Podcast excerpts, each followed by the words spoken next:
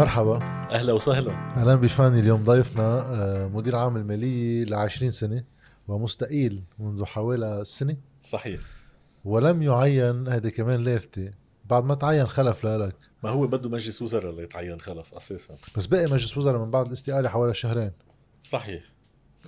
كان واحد بيتوقع بظرف أزمة مالية يعني يصير في خناقة على مين المفروض يجي من بعدك. بس هو كمان واحد بيتوقع بظل أزمة مالية إنه ينعمل حلول للأزمة المالية. آه ينعمل حكومة. تنبلش يعني. إيه. هلا رح نمشي ب ب سنة وعشرة أشهر اللي قطعوا. ورح نحكي كمان شوي عن واقعنا اليوم في انقطاعات بالفيول وبالدواء و اقتراحات قوانين بموضوع الدعم وغيره. وشوية أسئلة بخصوص سعر الصرف شو مصيره ودائع الناس شو مصيرها. أه وشو فينا نتوقع للمرحلة الجاية؟ بالبست كيس سيناريو ولكن يمكن الأهم بالنسبة للناس بواقعية نحن لوين رايحين؟ بس حابب نبلش أه نتعرف على ألان بيفاني شوي. رح نوصل على الفترة الإشكالية تبع ال 20 سنة بوزارة المال. بس شوي قبل أنا بعرف بس عن ألان بيفاني إنه قبل ما يصير مدير عام للمالية سنة 2000 بعهد حكومة سليم الحص كان صحيح. وزير المال جورج أورم. جورج أورم. بال 98 كنت مرشح للانتخابات البلدية على لائحة المعارضة. صحيح. لأنه كان في لائحة الموالاة كان على رأسها رفيق الحريري ولكن كل الأحزاب كانت كل الأحزاب. مثل ما هلأ عموما تقريبا كل الأحزاب على نفس الصف. إيه مع إنه ببينوا في مشاكل بين بعض. يمكن مثل ما وقتها كان يبين في مشاكل بين بعض. وكنت بوقتها مرشح آه ما بعرف إذا رسميا ولا غير رسميا باسم التيار الوطني الحر. غير رسميا. غير رسميا. آه رح نوصل على المحطة بس خلينا نتعرف شوي على بيفاني آه دراستك وين كانت عملك شو كان؟ وليش بالبلدية كنت بهذا الموقع؟ وسياسيا ليش كنت بهالموقع؟ وكيف من هالموقع قدرت تفوت على الدولة سنة 2000 أوكي. أنا دراستي أول شيء يعني درست العمر ال 17 سنة بلبنان أخذت البكالوريا هون. ورحت على Lycée Louis-le-Grand يلي هو آه، بيحضر بيعمل كلاس بريباراتوار ماتشيب وماتسبي للإيكول دانجينيور بفرنسا. آه، ودرست هونيك وبعتبر إنه يعني من أهم ال formation اللي أخذتها. هي هالسنتين هول يلي واحد بيتعلم فيهم آه، رياضيات بشكل مكثف جدا وفيزياء. بعدين آه، درست مهندس وتخرجت من ال École supérieure d'optique اللي هي هندسة فيزيائية مع تخصص بال telecom وال fiber optics حتى هلأ بعدنا بعاد عن المال. كثير وبعدين آه، دخلت على HEC يلي هي المدرسة يعني الجامعة الأولى بفرنسا لإدارة الأعمال والمال والاقتصاد. ودرست تخصصت فيها مال. وتخرجت سنة ال 94 بعدين انتقلت على Arthur Andersen بباريس يلي كانت آه، مؤسسة آه، ليلي ما بيعرف شغلتها ال audit وال consulting فكان في آه، يعني بهالفترة هاي شغل كتير بالتدقيق وبالاستشارات. بعدين انتقلت على مصرف هولندي يلي هو ال ABN AMRO Amsterdam Rotterdam Bank آه وال ABN AMRO كان عنده فرع بلبنان. فمن هونيك انتقلت على لبنان. وبلشت مارس العمل المصرفي لفترة. بعدين قررت إني أسس شركتي المالية وأسستها كان اسمها بيتش. وعملنا عمليات كتير حلوة. آه، خلت إنه Thomson BankWatch يلي اليوم صارت جزء من Thomson Reuters يعني مدموجة فيها آه، تهتم بالشغل. وبالفعل آه، عرضوا علي اني انتقل لعندهم كمدير لمنطقة الشرق الأوسط شمال أفريقيا وجنوب آه، آسيا. وانتقلت لعندهم. اشتغلت بال sovereign rating على فترة. لحين ما آه مثل ما ذكرت تصنيف الائتماني هو تصنيف ائتماني تماما. في تصنيف ائتماني وفي تصنيف لمصارف أيضا. يعني بس للناس هذا اللي و... كنا آخر سنتين قبل الأزمة كثير نتابعه بخصوص فيتش صحيح وقتها موديز بورز وموديز موديز وستاندرد اند بورز وفيتش عملوا لنا downgrade وهيدا كان من المؤشرات الأساسية. ف آه ومن عندهم آه لما تشكلت حكومة الرئيس آه آه عرض علي إني إجي على وزارة المالية كمدير عام ووافقت لأنه اعتبرت إنه اولا أنا بحب الشأن العام ومهتم بمصير البلد. وكمان لأنه كان يعني الناس يلي طارحين علي إني أشتغل معهم آه، ناس كنت حب أشتغل معهم يعني من الوزير قرم للرئيس لحص لرئيس لحود إلى آخره. ف آه، وقتها دخلت على المالية وبلشت الفترة يلي مثل ما ذكرت حضرتك آه، أوقات ننجح أوقات نفشل. مع إخفاقات كتير لها علاقة بهالنظام والمنظومة القوية كتير يلي مسيطرة على البلد. ومع بعض النجاحات والخروقات يلي سمحت إنه بمفاصل معينة تضل الدولة مستمرة. إلى حين وصلنا لنقطة اللا رجوع يلي كانت يا منصحح وبندخل بمسار آه خلاص يا بصير اللي عم بصير هلأ. خلينا نبلش بالدين العام. هذا الدين العام اللي صار يطلع بأرقام إذا ما قرنا بنمو البلد شو كان عم بيصير أرقام صارت خياليه خصوصا بآخر عشر سنين. شو الإطار اللي هل صحيح؟ لأنه واحد بصير ما يعرف وين في جهل وين في إجرام. هل صحيح ما حدا كان فهمان تبعات؟ هالتضخم الهائل اللي عم بيصير بالمديونية؟ لا كلهم فهمانينه كان كلهم كانوا فاهمين؟ لا طبعا كلهم فاهمين قديش واحد بده يكون جاهل لما يفهموا يعني. لأنه كان في خبرية بلشت بالتسعينيات مع رئيس رفيق الحالي يقول ما في مشكل بالدين طالما في نمو أساس يعني مستويات الدين يلي وصلنا له أنا كاتب فيها سنة ال 96 قبل ما فوت على المالية بأربع سنين إنه لا حول ولا قوة نحن واصلين على انفجار بالدين. من وراء اللي صار بال 95 من وراء رفع الفوائد بحينها ل 39 و40% على السنتين. بال 95 بس هي ليش صارت بوقتها؟ هيدي صارت بوقتها لشغلتين، اولا لأنه كان في ضرورة إنه ينعطى كتير أموال للناس الداعمين للتركيبه السياسيه الجديده هل بوقتها يمكن الرئيس رفيق الحريري قال شرايه السلم الأهلي بالدين؟ هو قاله وهيك تنفذ. يعني هذا اللي صار. وزيادة عن هيك كان في وقتها محاولة للضغط للتمديد للرئيس الياس الهراوي. وقتها قالوا ليكوا شو عم بصير بالفوائد دخيلكم البلد ما بقى يحمل لازم هلأ تنبت قضية التمديد وهيك صار فضربوا عصفورين بحجر واحد.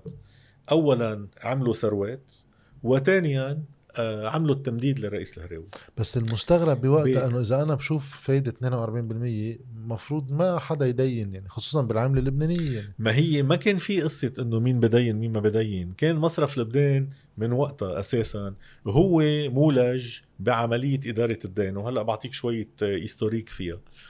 وبالتالي يعني طلعت الفوائد بشكل خيالي على أساس إنه يه مش عم نقدر نلاقي مصاري مع العلم إنه ما كان في سبب إنه تطلع الفوائد هالقد البرهان إنه بعد كم سنة يعني على وصلة الرئيس لحود ووزير يعني رئيس الحكومة الرئيس لحص طيب نزلت الفوائد بفرد ضرب.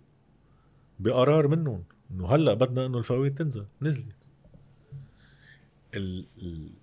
السوق يعني ما كان يسمى بالسوق بلبنان هو تفنيصه. كان يتدوزن قديش بدنا نوزع هون وقديش بدنا نوزع هون. ومن المعارك الكبيرة هذا بيعارض فكرة الاقتصاد الحر اللي بيضلوا يحكوا فيها أي اقتصاد حر؟ هيدا اقتصاد نهب ما في اقتصاد حر. لبنان منه باقتصاد حر.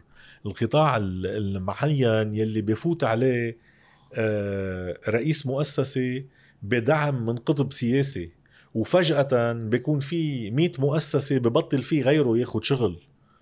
وال100 مؤسسه بيقعدوا اصحابهم بالبيت ببطل عندهم شغل وهو بيسيطر على القطاع بأمه وأبوه تيوزع على اللي داعمينه بالسياسة. هيدا اسمه اقتصاد حر. هيدا اسمه اقتصاد نهب. نحن ما عندنا اقتصاد حر. مات الاقتصاد الحر مع نهاية الحرب.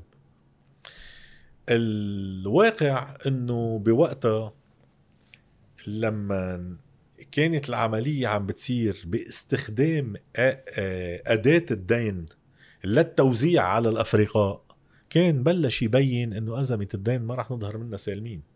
وهيدي عم بحكيك خمس سنين قبل ما فوت على الدولة.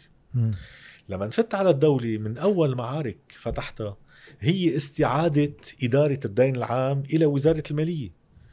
إنه طيب بأي منطق بنك مركزي مطلوب منه إنه يدير إصدارات عن وزارة المالية؟ ليش؟ عم بعطي تفسير ويمكن مش صحيح ما بدي أحمل أكثر ما بيتحمل.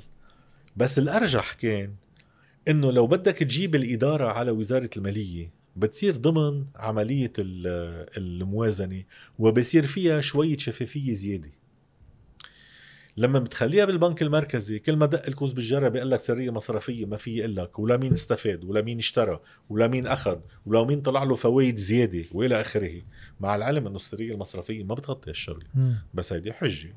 وبما طبعا هذا مال عام. وبما إنه ما في مين يسأله لحاكم البنك المركزي فبيتصرف هيك. وما بيقدر يكون في مين يسأله لأنه السلطات الكبرى مغطيته. يعني بسمع أوقات بصيروا يتفلسفوا على مفوضي الحكومة لدى مصرف لبنان. يا عمي هول الجماعة إذا كتبوا تقرير مين كان يقريه؟ أنا بعرف مفوض حكومي الله يرحمه كان شخص جدا يعني مرتب وفهمان. قال لي أنا أنا إذا بكتب تقريري وزير المالية بكبه بالزبالة إنه شو بدي أعمل؟ إيه بس هون مش لازم ف- يكون في مشكل بين مفوض الحكومة ووزير المال؟ ما هو كان يصير في مشكل ما هو كان مدير عام مثله مثل غيره يعني ما- كان مثلي مثله مع وزير المال. أنا بختلف مع وزير المال ومفوض الحكومة بيختلف مع وزير المال و... و... ومدير عام الجمارك يمكن يختلف مع وزير المال وإلى آخره. على كل حال خلفك هو كان كمان مفوض حكومي كان مفوض حكومي بالتكليف. بالتكليف. بالتكليف. هو مدير عام للشؤون العقارية ولما انشغل مركز مفوض الحكومي لقال لك قديش الحكومة مهتمة كانت بمفوضية الحكومة وبالرقابة على مصرف لبنان ما عينوا حدا. تركوا بالتكليف ما بعرف قد إيه يعني. فالمهم إنه آه، بوقتها المعركة الطاحنة يلي ما نجحنا فيها إلا لسنة ال 2011 أو 2010 نسترد قسم من إدارة الدين العام إلى وزارة المالية. وعم برجع أقول قسم ليش؟ لأنه كان لما يصير في إصدار يتركب عند مصرف لبنان وبعض المصارف إنه أنت بتاخذ هالقد وأنت بتاخذ هالقد وأنت بتاخذ هالقد ويلا قدموا العروض تبعكم. مغلفه هذا هو خلصة. بس اللي عم تشرحه هو آه، كيفية إقراض الدولة. عرض سندات وكيفية خزينة. استعمال الدين العام لأغراض آه، تمركز ثروات معينة. مم. فهيدي من القضايا يلي كانت بكل وضوح بتبين إنه رح تنفجر أزمة دين لاحقا بس أنا حتى بتذكر لأيام الوزير علي حسن خليل كان يصير في تنسيق دائم مع حاكم مصرف مركزي إنه هلأ اتفقنا معه بقى نصدر سندات مش خزينة. بس تنسيق نحن ما بدي أفشي أسرار بس نحن مرة انفجر آه، يعني جدل طويل عريض إنه يا عمي كيف بيطلع بالجريدة إنه صار في اتفاق على استبدال وعلى إصدار وبعد يعني مصرف لبنان ما حدا معه خبر. النواب الحاكم ما معهم خبر المجلس المركزي ما معه خبر. إنه القصة كانت وبعدها هيك يعني ما تغير شيء شو هلأ غير شيء يعني. فقضية الدين العام وصلت الأول شيء منا المشكل الوحيد. بطبيعة الحال ويلي فجر المشكل هو الدولار مش الليرة. إيه طبعا الاقتراض نتفق على بالدولار شغله يعني يعني ليلي بصيروا يقولوا إيه ما هي العجز بالدولة هو يلي لا العجز بالدولة هو شق من المشكل. بس المشكل الكبير يلي وصلنا لانقطاع الدولارات بالبلد هو اولا القرار العجيب اللي اتخذ ب 98 إنه يبلش واحد يستدين بالدولار بهالكميات. بس أكثر من هيك قرار تثبيت سعر الصرف على مستوى مرتفع والعجز المتراكم بالحساب الجاري يلي ناتج عن إنه لما تثبتت الليرة على سعر عالي صار أفضل للبنانيين إنه يستوردوا من ما إنه ينتجوا فصار في خلل هائل بالميزان التجاري يلي انعكس خلل على الحساب الجاري. طب في شيء هون بس فاجأني نعم. كثير مثلا بريشيرش شوي عملتها صلح لي إذا أنا غلطان. أنا ما لقيت في ولا جهاز بهالدولة اللبنانية آخذ قرار بتثبيت سعر الصرف. ما في بتصور قانون النقد والتسليف بيحكي شيء أصلا عن. سعرها بعدها بقديش ذهب وكذا يعني شيء تخطيه شوي الزمن ما حدا عدله.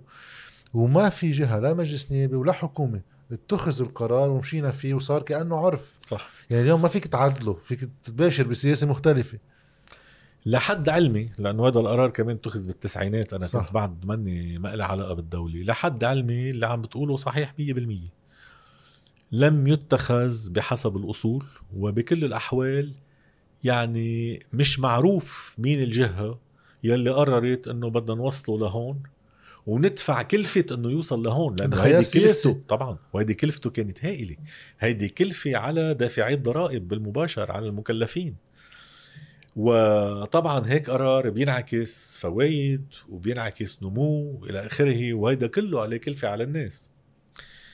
ولكن مش بس هيدا يلي مش معروف مين اللي اتخذوا القرار في كتير إشياء مش معروف مين اتخذها. يعني مثلا بالزمانات صار في إشياء على يعني عمليات على الدين تتسمى سواب. على اللبناني. ياخدها مصرف لبنان يعملها مصرف لبنان. ليش وزير الماليه كان موافق؟ كيف يعني بس اذا فينا نشرحها شوي. كان يقرر مصرف لبنان إنه في سندات معينة على اللبناني واصلة على استحقاقها لنقول بعد ثلاثة شهور. يحسمها يعطي أرباح للمصارف اللي حاملينها ويمدد لها اجالها ما هيدي وقتها يعني على الأقل وزير جورج أرمي اللي صارت على أيامه كان مخ- مخالف هالقرار يعني كان ضده. وصار. وكان يصير مش بس صار صار بألاف المليارات. يعني بقى كتير اشياء طيب هلا طيب هم الهندسات في ما في مطرح للمراجعة؟ الهندسات المالية مثلا هلا نوصل للمراجعة؟ الهندسات المالية مين أخذ فيها قرار؟ المفروض المصرف المركزي رئيس الجمهورية شخصيا تلفن لي يسألني إنه دخلك في مصارف عم تشتكي إنه هي مش طالع لها قد غيرها شو هي هاي القصة؟ قلت له ما عندي أدنى فكرة خليني أجرب شفلك. صرنا عم نسأل المصارف لنعرف شو هي الخبرية. مرة وحدة انذكرت الهندسات ويعني بتضحك بأي طريقة. وعم بذكرها لأنه طلعت بالجريدة. إذا بتتذكر مرة يمكن جريدة الأخبار ذكرتها الهندسة تبع سيدروس بنك. وقتها بعد ما صاروا كل الهندسات لكل شيء في مصارف سيدروس بنك مش مأخرة. لا، يعني كانوا صاروا الهندسات قبل. كانوا يعني بالمليارات الدولارات صايرة وخالصة. بيقوموا بوجهوا كتاب لمصرف لبنان. يمكن هن طلبوا منهم كتاب يمكن لا ما بعرف. بس ساعتها بيحولها الحاكم للدائرة القانونية. يلي بتقول إنه هيدي مخالف للقانون. آه. الدائرة القانونية بمصرف لبنان. نعم وهيدي طلعت بالجريدة منشورة بجريدة الأخبار. بفتكر جريدة الأخبار. بقى هيدي الوحيدة يلي ذكرت بالمجلس المركزي وشو عملنا؟ رفضناها. رجعت نفذت. أوف. يعني بس لتاخد فكرة لأنه يعني كتير بحبوا يمسحوا بشي بحطوا حق على مفوض الحكومة وشي حق على المجلس المركزي وشي حق المجلس المركزي ما شاف من الهندسات إلا هاي الشغلة. وأخذ رأي سلبي فيها ورجعت تنفذت غصبا عن رأيه. لا نوضح يعني كيف الإشياء بتصير. عودة للدين بكلمتين. الدين صار يتنامى مثل ما قلنا طبعا لأنه الحكومات عم بتركي معجوزات وبعدين ما ننسى كمان إنه الاستدانة بالدولار ما هي كانت دعم للاحتياط تبع البنك المركزي. الناس كانوا طبعا لأنه الحملات الإعلامية إنه البنك المركزي قصة كبيرة والدولة فاشلة ومدري شو دائما يطلع الخبر إنه مصرف لبنان مول الدولة. خي شو هالحكي هذا إصدار اليورو بوند هيدا دين على الخزينة. عم بتجيب دولارات تحطهم بالبنك المركزي وتاخذ مقابلهم ليرات. مين عم بيدعم مين بيكون؟ ما الخزينة اللي عم تدعم الاحتياطي تبع المركزي مش العكس. إيه صح. بقى هاي عملية هو هو. الفكرة إنه وقت أنت تقترض كدولة وين بدك تحطهم المصرية؟ بتحطهم مصرف لبنان. إنفاقك أنت- بالليرة اللبنانية. تماما. أنت كدولة ما بتنفق بالدولار. مين بحاجة للدولارات؟ البنك المركزي. هلأ أوقات تيأمن دولارات للدولة. يعني مثلا بشق اللي خصه بالكهرباء صحيح. عم بيستدينوا له بالد- بالدولار يعطوه إياهم تيرجع هو يأمن دولارات لشركه الفيول. بس كل بقية استعمال الدولارات ما له خاصة بالدولة. هيدا له خاصة بالحساب الجاري هيدا له خاصة باذا قلب ميزان المدفوعات ولا ما قلب. هو بالفعل شو صار؟ على استقرار سعر الصرف. صحيح هو بالفعل شو صار؟ صار إنه يلا ما يهمكم. هيدا البونزي لما بيقولوا بونزي. نحن ما معنا بس منضلنا نجيب تدفق من الخارج ليغطي حاجاتنا. بس هيدا طالما التدفق ماشي حاله بتغطي حاجاتك بتخبي الخسائر اللي عم بتراكمها. وبالفعل انت بتعرف انه الخسائر ما تظهرت إلا باذار 2020 نحن عم نوضع الخطة. صح. قبل هاي ما حدا كان متصور إنه في خسائر هالقد بالبنك المركزي مخفية ولا حتى نواب الحاكم سامعين فيهم. المهم بالقصة إنه ال- العملية تبع تبع استقطاب الأموال من الخارج الدائمة. هيدي مرتبطة بعوامل عديدة بالعالم. هي اللي خلت ميزان المدفوعات يقلب. شو هي هالعوامل؟ إجينا ورا بعضها يقلب قصدك 2011 يتحول ل سلبي. سلبي. تماما. لأنه قبل كانت التدفقات باتجاه لبنان أكبر من الخروج. في أسألك هون بارانتيز سؤال صغير. في شيء بثقافتنا آه، هيك ثقافتنا آه، المالية الاقتصادية بلبنان أنا برأيي جدا مشوه بس ربينا عليها لفترة طويلة من الوقت. أهمية استقطاب الودائع. نعم. طيب أنا بالنسبة لي إذا أنا عندي بنك أنا شو شو الخسارة علي؟ الفايدة اللي بدي أدفعها. نعم. والربح عندي الفايدة اللي بدي أقبضها. صحيح. طيب أنا إذا بيجيني يمكن 100 مليون دولار منيحة لأنه بقدر وظف هال 100 مليون عم بدفع لهم أربعة بوظفهم ستة. صحيح. أنا إذا بيجيني 10 مليار أنا خسارة بخسارة. يلي عم ليش صار تذكره عندنا هلا؟ هدف استقطاب الودائع؟ يلي عم تذكره هلا جاد بس بدك تعطيني دقيقتين إيه. لأن قصه طويلة. يلي يلي عم تذكره هلا هو صميم الأزمة يلي موقعنا فيها بالقوة هلا اليوم. وهلا برجع له. بس ليش وصلنا لأستقطاب الأموال؟ للسبب اللي ذكرت لك إياه. لأنه نحن ضربنا إنتاجنا. صار بدنا نستورد بشكل دايم نعيش على مستوى الاستيرادي اللي نحن عايشينه وبالتالي بحاجة لعملات أجنبية دائمة هيدي العملات الأجنبية غير بالفوائد العالية ما فيك تستقطبها المصارف يعلوا فوائد مصرف لبنان ليأمن لهم الربح يعطيهم فوائد أعلى والدولة تحمل الخسارة ومصرف لبنان اللي هو جزء من. الدولة اللي طبعاً. بدنا نذكر إنه هو جزء من الدولة لأنه أوقات بننسى يحمل الخسارة ويخبي الخسارات. وبالتالي صرنا نحن عايشين مثل كأنه القصة كتير بسيطة ولو جيبوا هالمليارات اللي حضرتك عم تذكرهم ونحن بنعيش فيهم بشكل طبيعي وطالما عم نستقطب فوق منهم لنغطي كلفتهم بيمشي الحال. وهيدا الاستقطاب بلش يتبدل بال 2011 تقريبا لما اولا انهارت أسعار البترول. ونحن بنعرف إنه لما بتنزل أسعار البترول بالعالم تدفق الأموال باتجاه لبنان بخف. تحديدا. من الخليج وغيره. تماما. ونزلنا بالفعل من تقريبا 9 مليار لحوالي الخمسة خمسة و... خمسة وشوي. هاي بال 2011 من وراء البترول. مم. بالإضافة لحرب سوريا بالإضافة لانسحاب الخليج من لبنان بالإضافة ل ال... ال... ال... الانتقال بالعالم العربي من ال...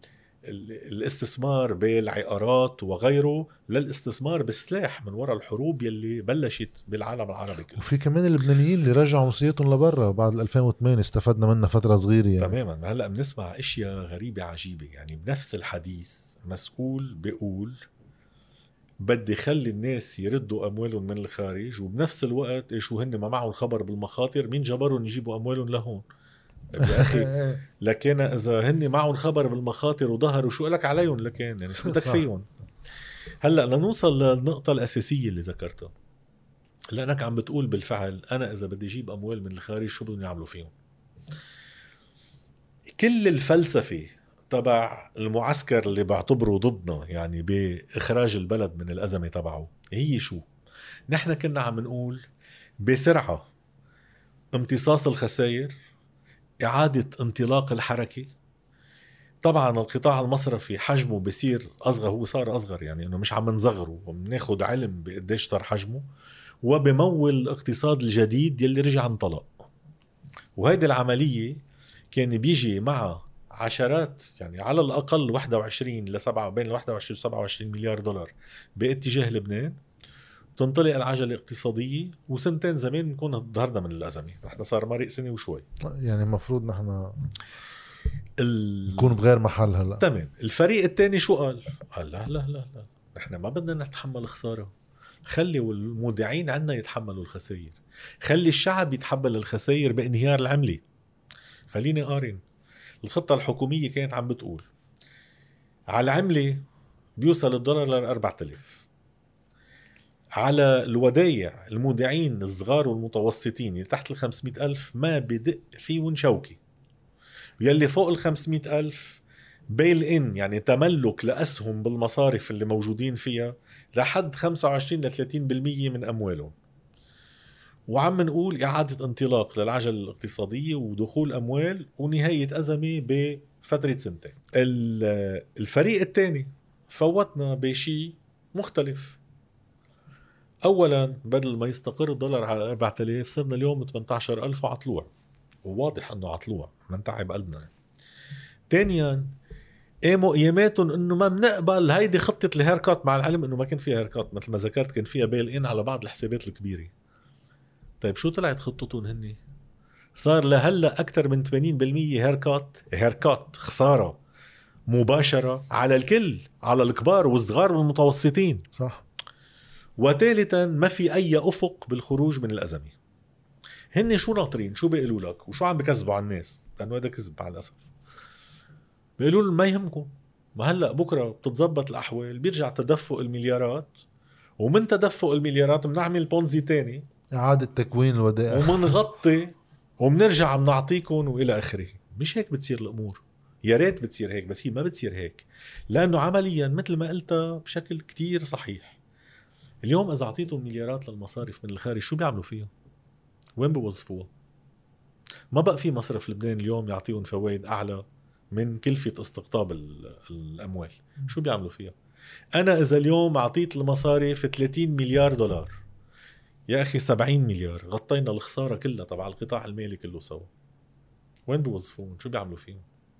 يعطون للمودعين هن كيف رح يقدروا يجيبوا؟ لا ما المودعين هن بيجيبوا مصاري صح. هن بدهم يوظفون يعني بدهم يدينون لحدا. وين؟ ولا فيهم يعطوا مصرف لبنان مصرف لبنان مكسور. ولا السوق بيستوعب شيء أساسا عندهم تقريبا 40% خسارات بالسوق. هذا على ما بيقولوا هن أنا إذا قالوا لي 20 بمشي بال20 أخي ما بدي يعني أتعدى على مصلحتهم. مع العلم إنه يعني لي شوي علاقة بالموضوع. وثالثا كانوا يوظفون بسندات الدولة. طيب الدولة هلأ ما بقى بدها تصدر سندات. شو بيعملوا فيهم؟ كيف بدهم إنه بالمسار اللي طارحينه هن يظهرونا من الأزمة؟ ما بتزبط إلا بإقراض الدولة من جديد. يعني والدولة ما قادره تقترض من جديد. القصة كتير بسيطة. ما خلص اللعبة خلصت. هلأ ال 20 ال 21 مليار رأس مال تبع المصارف يلي بلشوا يصرخوا ويعيطوا إنه هاي خطة الحكومة بدها تقشطنا إياهم. إنه عم تشلحونا بنكتنا. بس معلش ليش خطة الحكومة هي اللي بتحدد الخسارة؟ خطة الحكومة كانت عم بتقول بده ينعمل شيء اسمه asset quality review لكل مصرف بمصرفه. ومش الحكومة بدها تعمله ولا نحن بدنا نعمله.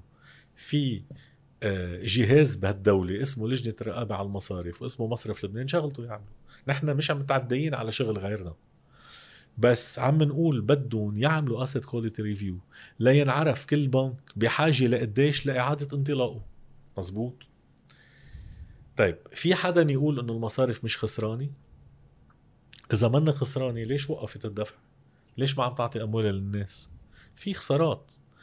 هول الخسارات مش نحن حددناهم مش نحن قلنا 21 مليار. الخسارات أكبر بكتير من ال 21 مليار تبع المساهمين بكتير. وهي هي هيدي هي الأزمة ومصيبة أزمة لبنان إنه لأول مرة بالقرن العشرين والواحد وعشرين بلد بيوصل لحالة إفلاسية البنك المركزي تبعه مفلس. هي مش صايرة غير محل. لازم الناس توعى إنه هي مش صايرة غير محل. وتاليا نحن ما حددنا خساراتهم. دخلك لما مؤسسة تجارية بيكون راس مالها مثلا مليون دولار وبتخسر مليونين دولار. بيكون طار راس مالها ولا لا؟ إي طبعا. طيب فنحن ما قلنا بدنا نقشطهم راس مالهم نحن قلنا عملوا الحسابات يا شباب. ومع الأسف مبين مسبقا إنه الخسائر أكبر من الرساميل بكتير. هيدا كونستا هيدا مش مش خيار. مش مش إنه نحن عم نفرض خسارة على حدا. نحن عم نقول مع الأسف عم نشوف خسارة. عم نعترف بهالشي حصل. وبالتالي اللي عم بجربوا يقولوه هن شو؟ إنه لا أنا ما تحملني الخسارة كلها لإلي. كيف ما بحمل صاحب رأس المال قبل غيره؟ بأي نظام بالعالم المودع بيحمل خسارة قبل ما رأس المال يستهلك إلى آخر قرش؟ ولا نظام بالعالم. بأي مؤسسة بالعالم رأس المال لا يستهلك قبل أموال الدائنين وقبل أموال الزباين وغيره وغيره؟ يعني هيدا عم بيحكوا شيء ما له علاقة بالواقع وبالمنطق. أنا هون خليني بالقانون وبالأصول وبالنظام الحر وبالنظام الرأسمالي أول شريحة بتتحمل الخسائر هن المساهمين ما حدا غيرهم. خارج هالشي بطلنا بنظام رأسمالي. صرنا عم نحكي بنظام صلبطة. لكن أنا شو شغلة رأس المال؟ مش يحمي من الخسائر؟ ما هي شغلته. كيف لكن بيجي بقول أنا لا خلي لي شوية رأس مال وبحمل الفارق للمودعين؟ يا أخي هيدا ضد القانون وهيدا ضد المنطق. وهيدا إذا بيصير ما بيعود حدا يبعت قرش بحياته على لبنان. مين مستعد إنه يستثمر بمؤسسات بتخلي الزبون يخسر قبل آه، صاحب رأس المال؟ فهيدي كلها عملية تفنيس وكذب مشان يوصل الواحد لإنه يقول يلا بالمفاوضات خلوا لي شيء طيب هيدا صار غير حديث. إذا الدولة مستعدة تفاوض مع مصرف لبنان ومع المصرفيين والمودعين يقبلوا إنه هن يحملوا خسارات عن آه، رؤوس الأموال فليكن. أما إنه استبائيا يجي يقول لك لا كيف عم طير لي رأس مالي؟ يا أخي مش أنا عم طيره أنت طيرته. خسارتك أنت اللي عملتها ما حدا عملها عنك. ما أنت عم بتدير مؤسستك. بس أنت بما إنه وصلنا دغري على الخطة خليني كفي بالخطة. م. طيب اللي صار بوقتها إيش حكومه الرئيس حسان دياب؟ ببيان الوزارة على ما يبدو إذا واحد بيقرأ ما كانت متخيلة إنه الخسائر بهالحجم لأنه كانت صح. عم تحكي ببيان الوزارة إنه إدارة الدين العام ما حدا. كان متخيل. من الآخر ما حدا كان متخيل. أوكي. هون بصير في هيك آه، علامة استفهام. كيف في واحد يتفاجأ بحجم خسائر هالقد كبيرة؟ رح له يعني هذا منا شيء صغير هذا هائل. رح لك واضحة. وين كانوا الخسائر؟ مش مفرد مفترض إنه المؤسسة اللي عندها خسائر تبوح عنا طيب لما المصرف لبنان كان عم بسمي هالخسائر موجودات أخرى وين بيكونوا الخسائر؟ موجودات يعني عم يعتبرهم هن عم بيعتبرهم موجودات يعني عكس الخسائر إيه ليش؟ كيفها بتصير؟ آه ما هو شو عم بيقول؟ هو عم بيقول أنا بما إني بنك مركزي أنا بطبع العملة بطباعة العملة بدخل شيء اسمه سينيورج يلي هو الفرق بين القيمة السوقية مع القيمة المعدنية أو الورقية تبع العملة. كلفة إنك تعملها وقيمتها. تمام. تمام. فبالتالي مهما كانت الخسائر اللي عم بركمها بده يجي نهار غطيها. هيدا معناته إنه يعني يا في استغباء للناس يا في شيء يعني مخيف بالراس اللي عم يشتغل لأنه طيب انفجرت حالها بالسنة شو بده يطلع سينيورج عشرات ملايين دولارات. طيب وصلت الموجودات الأخرى لفوق ال 60 مليار. طيب وقتها كان ولا ب 100 سنة ولا ب 200 سنة معقول seigniorage يغطي هيك شغلة. بس وقتها واحد يشوف إيه. حسابات المصرف المركزي آخر السنة ولا موازنته ويشوف ولا الحسابات الأخرى بهيك رقم هائل. ما كان لازم ينسأل هو شو هن؟ كان دائما ينسأل. وكان الجواب إنه بكرة بنخلي ال auditor يوضح لنا شو هن ومدري شو. وهول بدنا نخلي بالنا إنه لما انفجر هالرقم وكبر هيدي كانت بسنوات الهندسات المالية. من 16 يلي هن نعم يلي هن سنوات ال audit توقف فيها ما عادوا يطلعوا التقارير إلا مع تأخير سنتين وثلاثة. تبع بتتذكر وقتها و... إيه بتتذكر وقتها لما سال مصرف لبنان. طب وين صار هال audit report؟ إنه في الكوفيد وفي مدري شو في يعني صار في ما هو واضح كان إنه الاوديتورز بطلوا يعرفوا شو بده يعملوا فيهم. وبالتالي لما بلشت تتراكم هالخسائر هيدي بانعدام شفافية كامل ما حدا كان متوقع إنه معقول كل هول يكونوا خسائر. لأنه ما حدا كان يعرف مسبقا أساسا شو حجم العمليات تبع الهندسات المالية اللي عم بتصير. لأنه مثل ما ذكرنا شو هي هالدولة اللي ما حدا بيعرف فيها شيء بمليارات الدولارات؟ خلينا نطلع شوي بكيف يراقب بنك مركزي عموما. بنك مركزي أول شيء عنده استقلالية فيراقب كيف؟ اولا يراقب من السلطة السياسية وثانيا يراقب من موظف اسمه مفوض حكومي لدى مصرف لبنان يلي هو عنده يعني هو موظف فئة أولى تابع لوزير المالية. هلأ بالوقت الحاضر مثل ما قلنا آه تعين حدا من تعين سنتين كريستال وكيم, وكيم. وقبل منه كان بال بالتكليف جورج آه، معراوي. جورج معراوي وقبل منه كان الله يرحمه الي معلوف وإلى آخره. طيب في هالرقابتين ما هيك؟ رقابة مفوض الحكومة بتكون فعالة إذا لما مفوض الحكومة بده ينفذ القانون في مين ينفذ له إياه؟ يعني إذا مفوض الحكومة راح عند وزير المالية قال له لك يا معالي الوزير أنا ما عم باخذ المعلومات اللي بحاجة لها إذا الوزير ما تحرك مفوض الحكومة ما بياخذ المعلومات. إذا أخذ المعلومات وكتب تقريره والسلطة السياسية ما أخذت ولا أي إجراء ما بيصير شيء. إنه بالنهاية بترجع انك عم بتجرب تلوم موظف بشيء مفترض إنه السياسة تعمله. لكن ما بيقدر. إنه شو بيعمل مفوض الحكومة؟ هو بياخذ قرار انه بيعمل له عقوبة للحاكم مثلا؟ شو بيعمل؟ بس بحالة مفوض الحكومة انت إذا على القليلة بمدير عام وزارة المال في معارك عم بتصير على دور الإدارة وكذا مفوض الحكومة ما عنده غير هالمعركة. إذا هيدي شو قاعد يعمل؟ أنا ما علي يعني أحكي عن مفوضي الحكومة لما ما بعرف شو عملوا. يعني م. يمكن حاربوا يمكن ما حاربوا ما بعرف. يعني أنا بعرف إنه عشرين سنة حروب يومية وبعد بيلتقى ناس يقولوا لي كان لازم وما كان لازم. حبيبي تعال اقعد محل نهار وخبرني شو كان لازم. بقى ما في احكي عنهم. بس الشغلة الأكيدة إنه على المستوى الإداري ما بتحلها. شو ما صار يصير. هلأ أوكي فيك تضلك عم بتحرر على السياسيين وإلى آخره هذا غير حديث. على المستوى السياسي مين بهال تقريبا 30 سنة اللي مرقوا كان عنده يا النية يا الجرأة إنه يتعاطى مع حاكم البنك المركزي. يعني ما نحن عايشين اليوم قدامنا من سنتين أزمة مفتوحة كارثية لهلأ. قضية إنه أعطينا أرقام الاحتياطي ما حدا بيعرف أرقام الاحتياطي. طيب بس هون بدي أسألك سؤال. إنه بهال 20 سنة يعني يعني 90% منها 98% منها آه اجى تعاقب على هالوزارة. وزراء هن من ضمن المنظومة اللي متفقة بين بعضها على صحيح. قواعد الاشتباك شو هي صحيح. بالبلد. واذا نحن بنسأل إذا- ممنوع نسأل. بس اجى الياس سابا مثلا. هيدا مفروض برات صح. هاي المنظومة. صح. كيف تصرف مع هيك حالة؟ السابع بقي عم بيشتغل خمسة شهور. اي صحيح. بقيت الحكومة تبعه خمسة شهور. وليه السابع ساهم بشغلة فظيعة لأنه نحن كإداريين ما بنقدر نشتغل إلا ما يكون الوزير يعني عم, بي عم بيفتح لنا الباب. سمح لنا بهالخمسة شهور إني روح على البنك الدولي وعلى صندوق النقد وكان مستشاره شربل نحاس وقتها فرحنا أنا وشربل واشتغلنا على ملف لبنان بشكل إنه بلشنا بوقتها نشتغل على ما يمكن أن يكون توزيع الخسائر عند حصول الأزمة.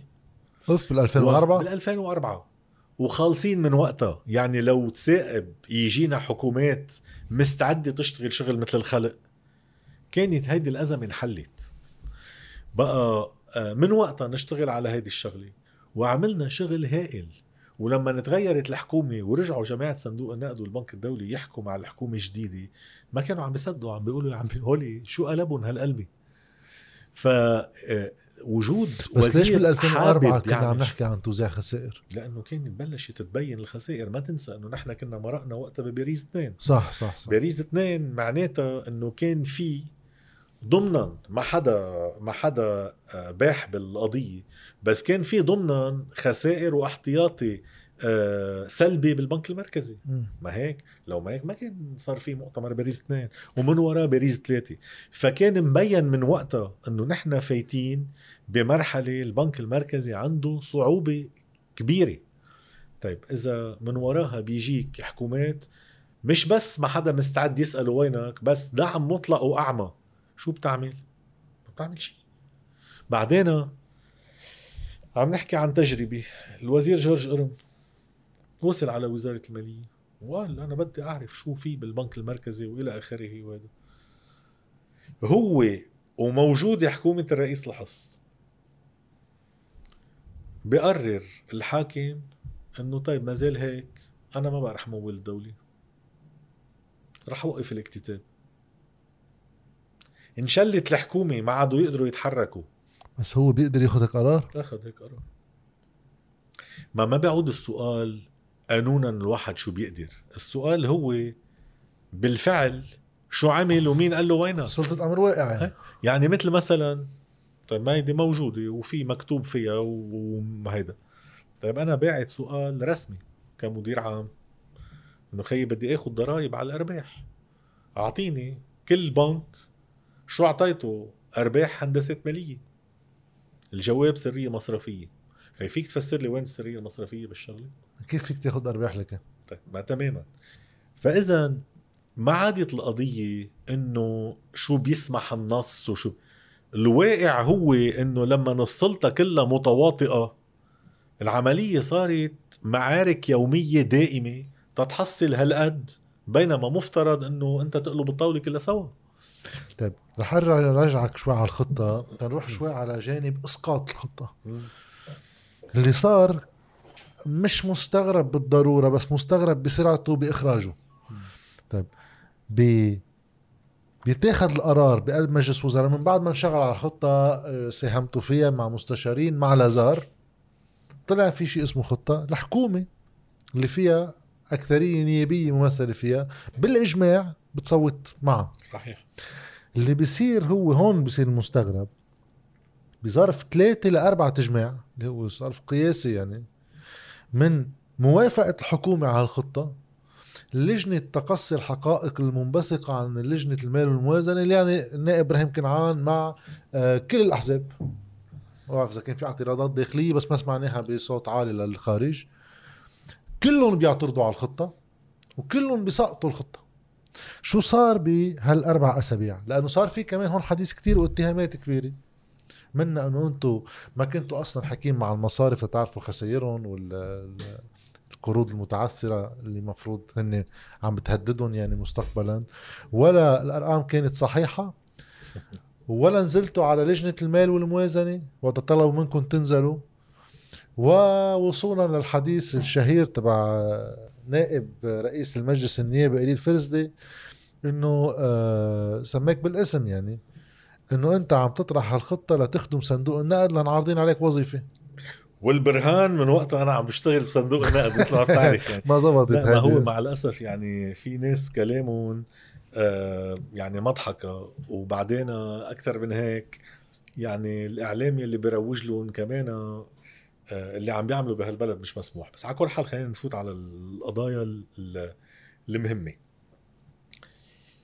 اولا خلينا ناخذ الكونتكست كله سوا لأنه في نقطة أساسية كمان هي القرار عن توقف الدفع يعني اللي صحيح. الدفو هلأ بنرجع له إذا بهمك. بس الخطة. تعاقدت الدولة اللبنانية مع بنك اسمه بنك لازار مشان يساعدها كمستشار مالي بعملية إعادة هيكلة الدين. لأنه كانت تعثرت لأنه كانت تعثرت وهلأ بنرجع على أسباب التعثر إذا هيدا بس لأنه كانت تعثرت أنا برأيي نقطعها هلأ قصة التعثر لأنه في ناس قالوا إنه. كل هالورطة فوتونا فيها من وراء إنكم تعثرتوا عن الدفع. لأ في ناس همهم هن إنه يلاقوا قميص عسمان ليشيلوا المسؤولية عن حالهم وعن اللي عملوه لأنه عم بيشوفوا هلأ نتائج عملهم وخايفين إنه الناس ما يحاسبوهم. بس خلينا نرجع على قضية التعثر كنا بسنة 2019 كدولة وكمصرف مركزي عم ندفع أكثر من 20% فايدة على الدولار صرنا. صحيح. أوكي؟ موديز نزلنا التصنيف الائتماني تبعنا بجانفيي 2019 بيلحقوا فيتش بنزلنا بآب 2019 التصنيف الائتماني ل triple C يعني دولة متعثرة حتى إذا ما أعلنت التعثر تبعها هي متعثرة. تقديرهم قلنا طيب. نحن متعثرين. بعدين تشرين 2019 ما بدنا لا بصيف 2019 وحتى بلشت بنيسان المصارف بلشت تحط قيود على الدولارات.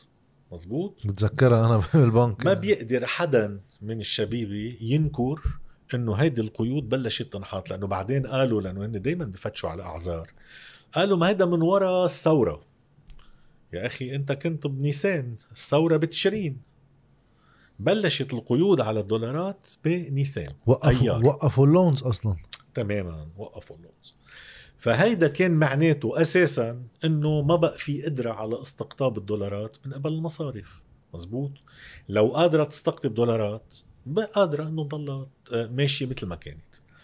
فهيدي أول شغلة خليها ببالك لأنه هلأ بدنا نوصل للسبب الأساس إنه من وقتها مبين إنه استقطاب الدولارات ما عدنا قادرين نعمله. منفوت بتشرين ال 2019 الأول مع الثورة إقفال المصارف بيتخذ قرار بإقفال المصارف سكر شي 10 أيام. أنا بعد لهلأ ما بعرف ليش اتخذ القرار. بس اتخذ قرار هن قالوا إنه في خطر. في خطر عظيم. كثير منيح بتشرين الثاني بتقرر حكومة تصريف الأعمال تبع الرئيس الحريري إنها تسدد Eurobond مستحق كان بمليار و600 مليون دولار. أوكي؟ حكومة تصريف الأعمال فاتخذ قرار بوقتها إنه نحن ما بدنا نتعثر بدنا ندفع المليار و600 مليون. المهم بهالقصة إنه صار قدام عيوننا شو كان ممكن يصير لو كملنا ندفع.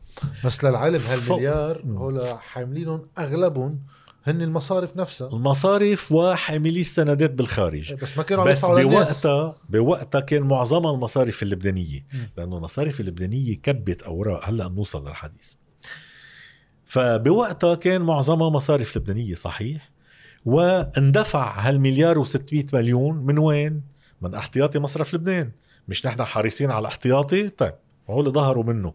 والعالم نحن ما أخذناهم كمودعين. وال وال والعبرة اللي بدنا ناخذها من هالشغلة هي إنه فور ما اندفعوا خرجوا من لبنان. لأنه ما كان في capital controls وبعد لليوم ما في capital controls مزبوط؟ مم. فبدنا نخلي بالنا هالنقطة الثانية إنه فور ما عم ندفع عم تظهر الأموال للخارج. لأنه أنا بالمطلق إذا عم بدفع للمصارف اللبنانية وتبقى الأموال بلبنان وتتحرك بلبنان ما عندي مشكل بدفع لهم. بس إذا لحظه يلي عم حط الضرر اللي معي واللي ما بقى عم بقدر جيب غيره وعم بصير برا إيه لا بدي أفكر فيها لأنه عندي شعب بده يعيش. عندي شعب بده ياكل وبده يشرب وبده يطبب وبده كهرباء هذا بده دولارات. فلما صارت هيدي العملية مثل ما قلنا خرجت الأموال فورا من البلد وهذا كان مؤشر كتير أساسي. وصلنا لشباط 2020 تشكلت حكومة الرئيس دياب. وبوقتها بلش يشوف يعني كحكومة إذا بتعثر شو بصير وإذا ما بتعثر شو بصير وخليني أشوف أي القرار الصائب. بوقتها السؤال طرح للبنك المركزي إنه خيي قديش معك احتياطي؟ إذا أنت بتعرف أنا بعرف. ما جاوب بعدنا لليوم بعدنا لليوم من وقتها ما حدا أخذ جواب. رئيس الجمهورية أخذ أجوبة ورئيس الحكومة أخذ أجوبة وما حدا بيعرف شو هو الاحتياطي. أنا عم بسألك اليوم رسميا في حدا بالبلد معه رقم الاحتياطي يعطيك اياه كصحافي لا بس ما انقال شيء بقلب الاجتماع. نقال إشياء ما إلها علاقة ببعضها نهار هيك ونهار هيك. ماشي. من ضمن خيار التعثر كان لازم واحد يشوف إذا بيقدر يتعثر بشكل منظم لأنه بالآخر وإذا تعثر يعني. ما هو التعثر أو عدم التعثر؟ منه قرار مطلق لوحده. هو قرار بتعثر وبنفذ خطة إنقاذية. أو ما بتعثر وبنفذ خطة إنقاذية. مش بالمطلق يا بتعثر وبقعد بتفرج يا ما بتعثر وبقعد بتفرج. طيب. فاذا قرار التعثر كان بده يتخذ بمحاولة إنه يكون منظم. شو بيقوموا بيعملوا وقتها القطاع المصرفي ومصرف لبنان؟ نصير عم نطلع بهاليورو بونز المملوكة محليا. عم نشوفها عم تنقص ليش مهم واحد يعرف قديش مملوك محليا لأنه أنت تفاوض. إدارة التفاوض والتعثر إذا أنت قادر تطال 75% من حاملي السندات ووصلت لاتفاق معهم البقوة مضطرين يمشوا مم. لما قانونيا عم تحكي إيه بال بال. بالنظام يعني لما بصيروا ال- السندات محمولين من أكثر من 25% ما بتعرف مين هن يعني ما بيعود فيك توصل لهالنسبة هاي ما بيعود فيك تعمل تعثر منظم. ونشوف هاليورو بونز المحمولين عم بينزلوا.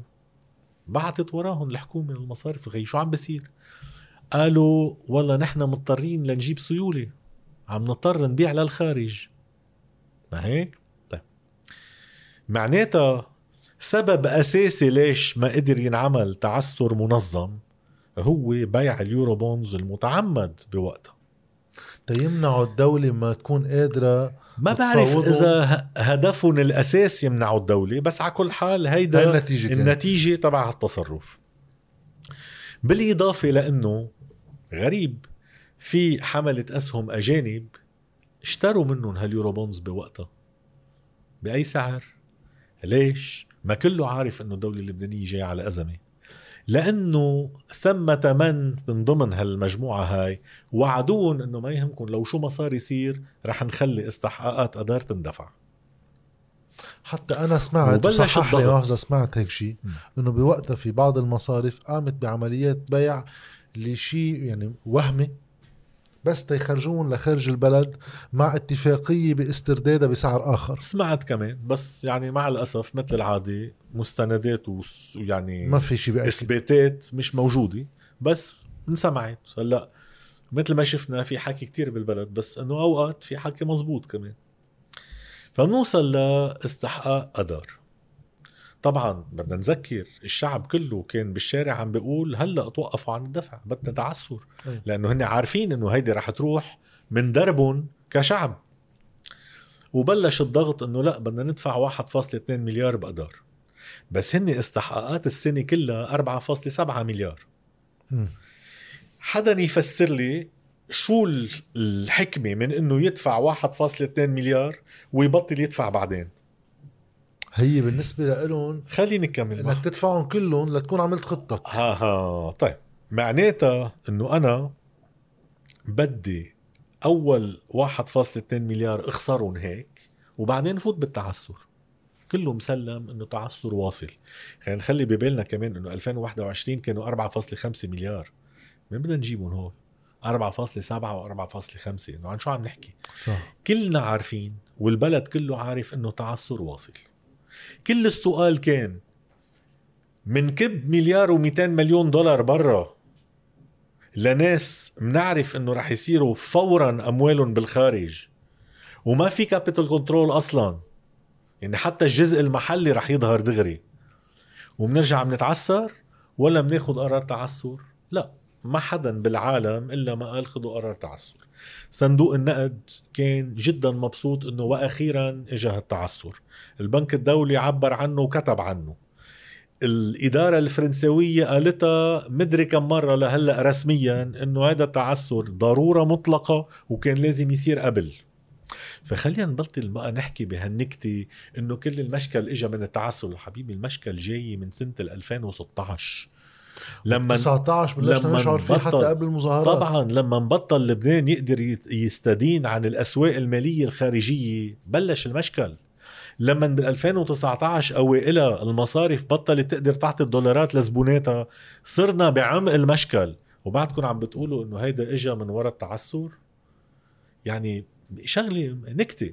المهم بالقضية إنه لو تم الدفع بوقتها كان طار من درب الدولة اللبنانية. من الاحتياطي تبع مصرف لبنان؟ 4.7 مليار دولار. ما حدا بيعرف حتى إذا كانوا موجودين ليظهروا. آه، فتحنا هذا البرانتاز الطويل شوي بس بدنا نرجع لموضوع الخطة. كيف أجهدت بهالأربع أسابيع؟ إيه بس. بدي أزيد بعد كلمة على القضية. هاي كلمة أخيرة. إنه هيدي الأموال كلها كانت خرجت فورا من جيوب اللبنانيين إلى الخارج. وبالتالي لكل واحد بيقول إنه ما كان لازم يصير في تعثر خليه يعطينا حجة ليش لأنه صارت مثل قميص عسمان هيدي إنه هيدا القرار الخاطئ ليه خاطئ ما حدا بيعرف بيقولوا بدنا يجاوب نعمل تعثر منظم ما كمان. حدا يعرف ما هن اللي خربوا له التعثر المنظم إيه، ما. بعدني عم بقول لك. إنه. هن اللي خربوا التعثر المنظم ولا نخلص من هالموضوع القرار ما كان تعثر نقطة على السطر القرار كان تعثر وتنفيذ خطة إصلاحية كاملة فورا يلي وضعت بوقت قياسي. البرهان إنه تم الاتفاق عليها شهر بعد قرار التعثر وتصوت عليها بال... بالإجماع شهر بعد اتفاق التعثر. هلأ المصارف اللي كانوا عم بيقولوا ما حدا حكينا هذا مش مزبوط. أول ما استلم بنك لازار مهامه وكليري جوتليب كمستشارين مستشار قانوني. قانونيين دغري طلبوا إنه يحكوا مع المصارف الجواب كان نحن هلأ ما بنحكيكم لبين ما نجيب المستشار تبعنا ونعمل خطتنا بنبقى بنحكي. وإجا وقتها هوليهان لوكي وبدل ما يحكي معه نطلع تصريح بالجرايد هوليهان لوك اللي اعتمدته جمعية المصارف جمعية المصارف. تعمل خطتها. تماما. ورجع انسحب وقرر إنه بطل بده يشتغل مع جمعية المصارف ما بعرف شو الظروف. لبين ما رجعوا جابوا مستشار آخر وكنا صرنا بآخر المعركة وطارت الخطة وقامت القيامة وإلى آخره. فلكل هالحديث هيدا معلش في أجوبة واضحة. اولا مش صحيح إنه ما حدا حكي معهم لا بل كانوا عم يركضوا وراهم ليحكوا معهم وهن رافضين. بنك لازار كان عم يترجى مصرف لبنان اللي هو جزء من الدولة اللبنانية. وهن المستشار المالي تبع الدولة اللبنانية إنه يحكي معه ما كان يستقبلهم. حكي مصرف مركزي. فشو بدنا نحكي يعني إنه هلا بس بحاجة شو؟ ما ما بيستقبلوا بده يستقبلهم مهم. أنت بحاجة تقعد مع المصرف المركزي كرمال أرقام الدولة. أنت بحاجة تقعد مع المصرف المركزي كرمال ألف شغلة. من البنوكي للدولة. شو في احتياطي؟ شو عندك مع البنوكي قديش في Eurobonds فيك تل- تلقط مين حاملهم؟ آه لمين م- كيف تعمل tracing لبيع ال Eurobond من محل لمحل؟ جاي واحد من هول طقيقين الحنك يقول إيه يلي سعيوا للتعثر كانوا عم بضربوا على ال Eurobond حبيبي أنا بطلب اليوم رسميا رسميا من البنك المركزي لأنه ما في غيره عنده المعلومة يكشف عن كل شخص اشترى وباع Eurobond من 20 سنة لليوم ويتعقبوا خلينا نشوف مين اللي كان عم بضارب. ومين اللي ضلوا لآخر لحظة يضارب بشان يجبر الدولة اللبنانية والشعب اللبناني يكب مليار فاصل 2 مليون آه آه مليار فاصل 2 آه دولار لل للخارج ويشيلهم من درب اللبنانيين. خلينا نشوف مين كان عم بضارب. طيب سؤال. شو صار بهالاربع تجميع تا هن ذاتهم يقلبوا من هون لهون. هن ذاتهم ما قلبوا من هون لهون. لأنه هن ذاتهم ما عاد يعني شيء لما فتنا بالكارثه الكبيرة ما عاد في شيء اسمه أحزاب سياسية. صار في المنتفعين والبوطة تبعهم وفي البقوي بكل بساطة. في ناس شافوا فجأة إنه يه يه يه هيدي الخطة شو معناتها؟ معناتها اولا إنه بدنا نرجع نرد من اللي أخذناه وثانيا إنه في تدقيق جنائي. وثالثا إنه في خروج من الأزمة على ظهر يلي فعلا ارتكبوا الأزمة. ورابعا إنه ما رح نقدر مثل العادة نكب الخسارات على الناس ونكذب عليهم. فقامت أياماتهم. طيب شو اللي صار؟ بس هي مش ذكرته. مع وزراء هن عاطينهم ثقة. لا ما هن الوزراء أساسا يعني في منهم اشتغلوا عن قناعة. في منهم اشتغلوا لأنه ما كانوا عارفين وفي منهم اشتغلوا عن تعليمات وإلى آخره. إذا مثلا حركة أمل ولا حيلا حزب إيه مسمى وزير. إيه بس. ولو اجى اعاز ما ما, بي ما, ما هو شو صار؟ بالحجة مش قادرين يشارعونا. بالحجة ما حدا قادر يشارعنا. ليش هلأ مثلا لما بنحكيهم حجه لما بقول لهم تعالوا لنتناقش شو بيطلع لي؟ بيطلع لي شي فرفور عنده ويب سايت يسب ويبهدل. بخي إذا هيك بدنا نتناقش لنعرف. بس في بلد عم بهر حرام عليكم. إنه يا واحد بده يناقش بالمنطق يا بحط قميص عثمان مثل ما قلنا وبصير يشبق يمين وشمال. لأنه هن كل همهم بالقضية اولا إنه ظهروا مصرياتهم لما كانوا مسكرين المصارف وثانيا إنه ما حدا جاي يصوبهم وبكرة على الانتخابات بينتخبون بس عمليا مثلا قضية تظهير المصاري وقت التسكير.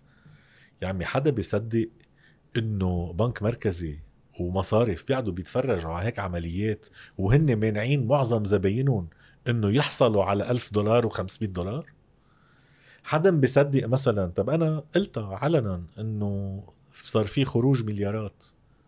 ما حدا سأل؟ كله هيدا قال إيه هول عمليات تجارية. يا أخي عظيم عمليات تجارية. أنا بدي أعطيك معلومة اليوم. من الحسابات يلي فوق ال 100 مليون دولار. يعني فوق المليار و500 مليون على السعر الرسمي. ما يسمى بالسعر الرسمي اللي هو مش موجود. كان في إذا جمعناهم كلهم سوا 7 مليار دولار بتشرين الأول 2019 صاروا بال 2021 باذار ال 2021 هول مجمعين 3 مليار. ظاهر 4 مليار. طيب هول 4 مليار شو كانوا؟ هول تسديد فواتير. وبيجوا بعد كل هالحركة هاي بخبروا الناس إنه هن عم بيعملوا capital control هلأ رح يشيلوا الزير من البير. شو ال capital control عنوان. ال capital control إذا منه جاي مع خطة مبكلة تواكبه وفي تاريخ محدد لنهايته ما له طعمة. هذا اللي قاله. صندوق النقد. تماما. هلأ مؤخرا. وثانيا ما بعرف على المزبوط إيه إنه. وثانيا انت جاي تعمل capital control بعد ما كل هول ظهروا عم تضحك على مين؟ على مين عم تضحك؟ طيب بيجي البنك المركزي بيقول كل مين ظهر أموال من سنة 2017 ربك يعرف ليش 2017 وليش تموز ل 2017 يا أخي ليش مش من قبل؟ ليش مش من بعد؟ بيكون في شي واحد مثلا زمط بحزيران ل 2017 معقول. إنه ليش؟ جاي تقول أنت إنه نفس الشيء يلي ظهر قبل تسكير المصارف بال 2019 ونفس الشيء يلي ظهر بينما أموال البقوه مح- محبوسين بالمصارف؟ هول مثل بعضهم عم بتعاملهم؟ يا أخي هيداك اللي ظهر أمواله وقتها كان النظام اللبناني الحر مش بس بيسمح له له حق مطلق يتصرف بأمواله دخولا وخروجا ساعة اللي بده. مين له معه؟ من وين لك حق تيجي تقول له؟ بعدين بدك تعامله مثله مثل يلي إجا زعبر على النظام وتخطى ال de facto capital control اللي فارضين المصارف ظهر أمواله. طيب هيدا الزلمة مش بس ظهر أمواله هيدا اللي ظهرهم وقت التسكير زاد الخسائر على غيره لأنه الخسارة هالقد. صح. إذا في قسم من المودعين خرج معناتها القسم الباقي عم بيتحمل خسارة أكبر. صح. كيف عم بتعاملهم مثل بعضهم؟ هون بأي منطق؟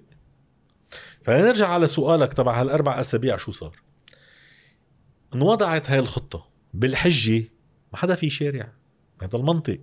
والبرهان هلأ إذا بنسمعهم شو عم بيقولوا شو عم بيقولوا كلهم؟ يلا بنركب حكومة بنرجع على الخطة الحكومية بنظبطها شوي بنجيب صندوق النقد. في لأنه حديث من هالنوع؟ الحديث الرسمي يلي ما حدا بباله ينفذه هو هيدا لأنه ما في غيره. لأنه مش لأنه هاي الخطة منزلة. هاي الخطة فيها عورات مثل مثل غيرها لأنه كان بدنا نوصل على على إجماع فطبعا نزاد إشياء ونحط إشياء والى آخره.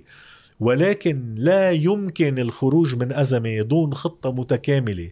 بتعيد هيكلة الدين وهيكلة مصرف لبنان وهيكلة القطاع المصرفي كله سوا وبتشتغل على شبكات الأمان وعلى الإصلاحات البنيوية وعلى الإصلاحات المالية العامة كلها. إذا هيك خطة مش مطروحة لا خروج من الأزمة طيب بس انت كنت قلت قبل شوي شغلة. آه بدي فوت منا على سؤال قلت قبل شوي شغلة إنه الحكومة آه أقرت خطة وانسحبت نعم. من أي دفاع عنها نعم هيدا هذا بده يوصلني على سؤالي. طيب إذا في لجنة نيابية قررت تناقش الخطة أول شيء قانونا لها حق تناقش بدها إياه بس هو ما تحول لشيء لا يعني الحكومة تحول لشيء. هي خطة ماشي يعني ما نعم. تحول مشاريع قوانين فما عندها أي سلطة الهيئة العامة ما عندها إلا إذا بدها تشيل الثقه عن الحكومة. لجنة نيابية أصلا تمام. تناقش الحكومة. ليش الحكومة بدها تخضع؟ كنت عم تسألني من شوي إنه ولو ما هول الجماعة عندهم مرجعيات سياسية هذه هي. اللي صار هو إنه بالحجة مرة أخرى بطبيعة الحال كان ضروري يصير في تعثر معلن وبطبيعة الحال كان ضرورة إنه تطرح خطة وبطبيعة الحال كان ضرورة إنه يتم الاتصال بالمؤسسات الدولية. هيدا صار. هلأ هون فهموا الشباب إنه لا نحن كنا مفكرين إنه هيدا مشي هيدا بس ليجيب صندوق النقد ومع صندوق النقد بنبلش على طريقتنا نحن مثل قبل. إنه بناخد مصاري ما بنعمل إصلاحات وما بندق بحدا وما بنقرب الخسائر وبيمشي الحال. هون صار التغيير كله. لما اجى صندوق النقد والبنك الدولي معه وعدة دول خارجية معهم قالوا هيدي الخطة مثالية ورح نمشي فيها. شو صار؟ قالوا لا لا لا لا. جاي صندوق نقد بس هالمرة مش جاي مثل العادة يطيب لنا. جاي يعمل برنامج على منوال هيدي الخطة اللي نحن مفكرينها إنه هيدي أداة لنمضي مع صندوق النقد. هون لما نفهموا الشباب إنه لا ما عم نحكي بقى بتفنيس مشان نوصل على إنه الصندوق وغيره يعطونا مصاري بالبلاش مثل قبل مثل باريز اثنين وباريز ثلاثة.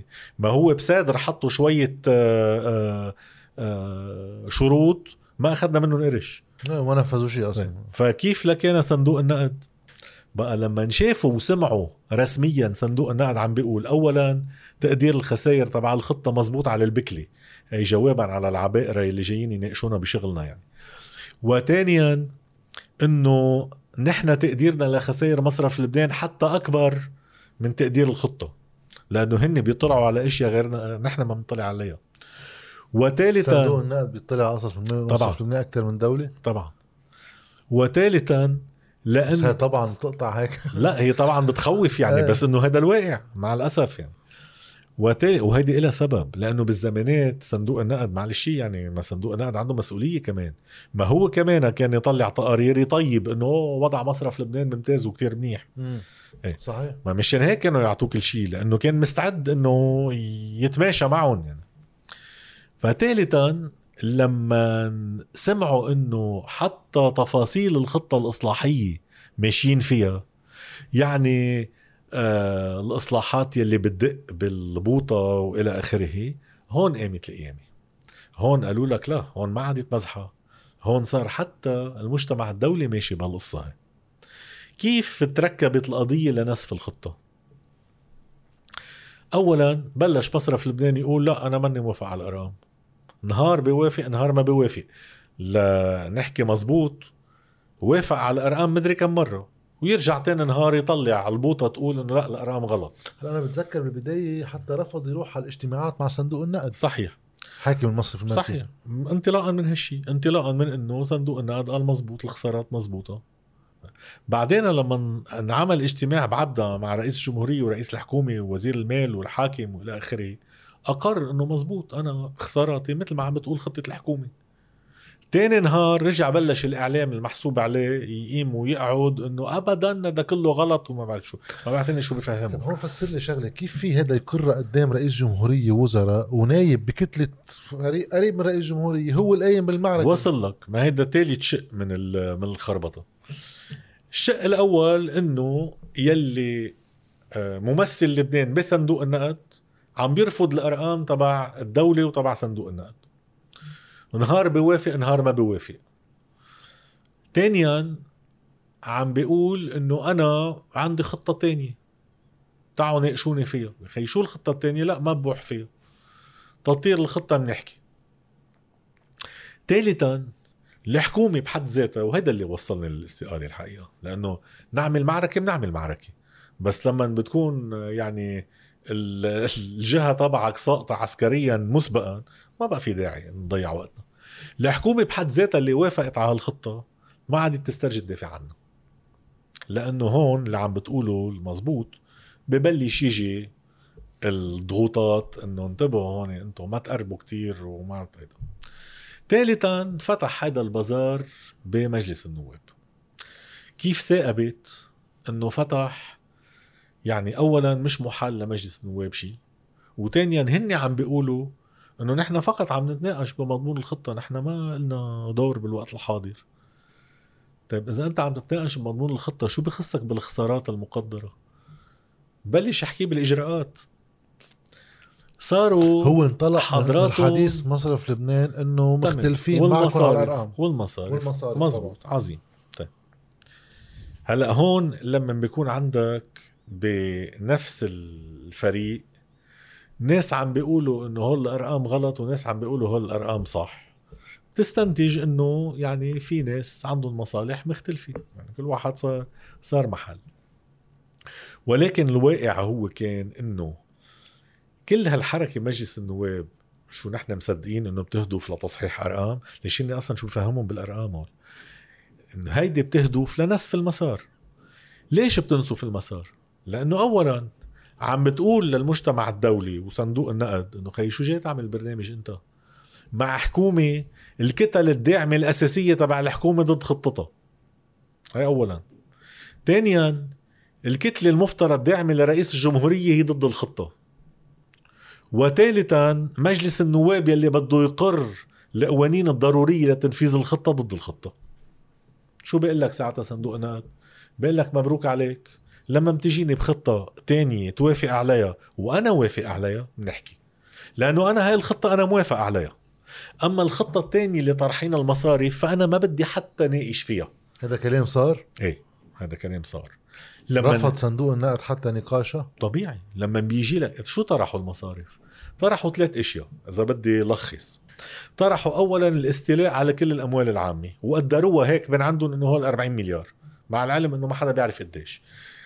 زميلك ألبير كوستانيو عامل دراسة بيطلع عن طلع نص أقل من تقريبا 17 تمام. آه ولو افترضنا إنه هيدي مشيت وقبل الشعب اللبناني إنه كل الأملاك العامة تصير ملك المصارف خلينا نفترض إنه ماشي. الشغلة الثانية قالوا إنه نحن بنجمد أموال المودعين لأجل غير منظور معناتها بتسفق المودعين haircut بيسوى عمرهم بتنتفوا النتف. بس هن ضد ال haircut. مم. اسمعوا هلا شو عم بيحكوا نحن ضد ال haircut يا خيي ما عملت ال haircut على 80% شو بعتك ضده يعني إنه إيه إنه بتصير على 110% بتصير معه يعني إنه 200 بتصير معه يعني. بعدين الشغلة الثالثه قالوا إنه نحن ما بنقبل بإعادة هيكلة الدين الداخلي لأنه هذا بزيد لنا الخسائر تبعنا بس عدم إعادة هيكلة الدين الداخلي بيخلي نسبة الدين على الناتج القومي عالية لدرجة إنه صندوق النقد ما بيقبل بالبرنامج. وافترضنا إنه الكل قبل بهالإشياء الثلاثه مش هيك؟ نحن أزمتنا شو؟ مش أزمة إنه مش قادرين نجيب دولارات من الخارج؟ صحيح. طيب هالاجراءات كيف بيجيبوا دولارات من الخارج؟ الاستيلاء على ال- الأملاك الدولي ما بيجيب ولا دولار من الخارج ولا قرش. جدولة آه، أو تجميد أموال المودعين ما بيجيب ولا قرش بخوف لا. بل يلي كان مفكر يجيب له نقلي بطل يجيبها صح. وعدم هيكلة الدين الداخلي ما بيجيب ولا قرش من الخارج وبيعمل لك مشكل مع حاملي الدين الخارجيين. معناتها بتفوت بأزمة إلى أول ما إلى آخر. كل الهدف من هالخطة هاي إنه ما يعترفوا المساهمين بخسائرهم مشان ما يجيبوا مصاري يعيدوا رسملة القطاع تبعهم. عفوا. معناتها اللي مطروح ما بيمشي. هلأ بيجينا ال- ال- المحبين والفهمانين واللي بدهم يبروا حالهم من اللي اقترفوه بحق الشعب اللبناني. وبيقولوا هاي الخطة كانت خطة إفلاس وخطة هيدا. أوكي. هيدا الكلام افتراضي لأنه الخطة ما تنفذت. ما بنعرف إذا كانت خطة إفلاس. بس اللي بنعرفه أكيد إنه بعد ما طيروا الخطة زمام الأمور صار بين إيديهم. هني شو عملوا؟ شغلة من اثنين. يا ما عملوا شيء وهذا عمل إجرامي لأنه بنعرف إنه لما بنكون بأزمة عم نشك ما بنعمل شيء بنخرب. يا عملوا تماما اللي كان ببالهم يعملوه. وهيدي النتيجة عم نشوفها قدامنا. أحسن من الخطة؟ ما بعرف. بس اللي أكيد إنه اللي عملوه فعلا اللي بسميه do nothing يعني ما عملوا شيء. شو الهدف منه؟ وهذا حديث عم بينحكى إنه نحن إذا بعد بننطر هيك سنتين ثلاثة بتخف كتير كتير الخسائر على balance sheet مصرف لبنان بموازنة مصرف لبنان وبنكون امتصينا قسم من الخسائر اللي عم بيحكوا عنها. عظيم. مين بيكون دفعها؟ نحن. بيكون الشعب اللبناني احترق سلافه بدفعها لهلأ بانهيار الليرة اللبنانية من ال 1005 ل 18000 لم يعني يخفض رقم الخسائر على موازنة مصرف لبنان إلا يمكن 2 أو 3% مما هي. بس. طيب لقد إيه بدك تاخد الليرة لتخفي خسائرك؟ شو بدك تعمل بهالشعب إذا أنا بدي أقول بسيطة ما أنا لما بطبع عملي بعمل أرباح بغطي على خسائري قديش بدك تطبع بعد عملي ما اللي عم تطبعه عم بسبب انهيار الليرة اللبنانية بشكل ممنهج. بيصيروا يسألوا إنه وين بدها توقف. ما نحن كل الهدف من هالخطة كان حماية المودعين الصغار والمتوسطين واستقرار الليرة على الدولار بأسرع وقت ممكن. لكن بنضلنا قاعدين عم نتفرج وبنطبع زيادة مشان كل أسبوع يطير الدولار بعد أكثر ونقول إنه آه، ليكو عم تتحسن الأوضاع. عنا الأرباح على الميزانية تبعها عم تنزل. الخسائر عفوا على الميزانية عم تنزل. يا أخي بأي كلفة؟ ولامتين. كيف قادر انت تعمل بشعبك اللي عم تعمله؟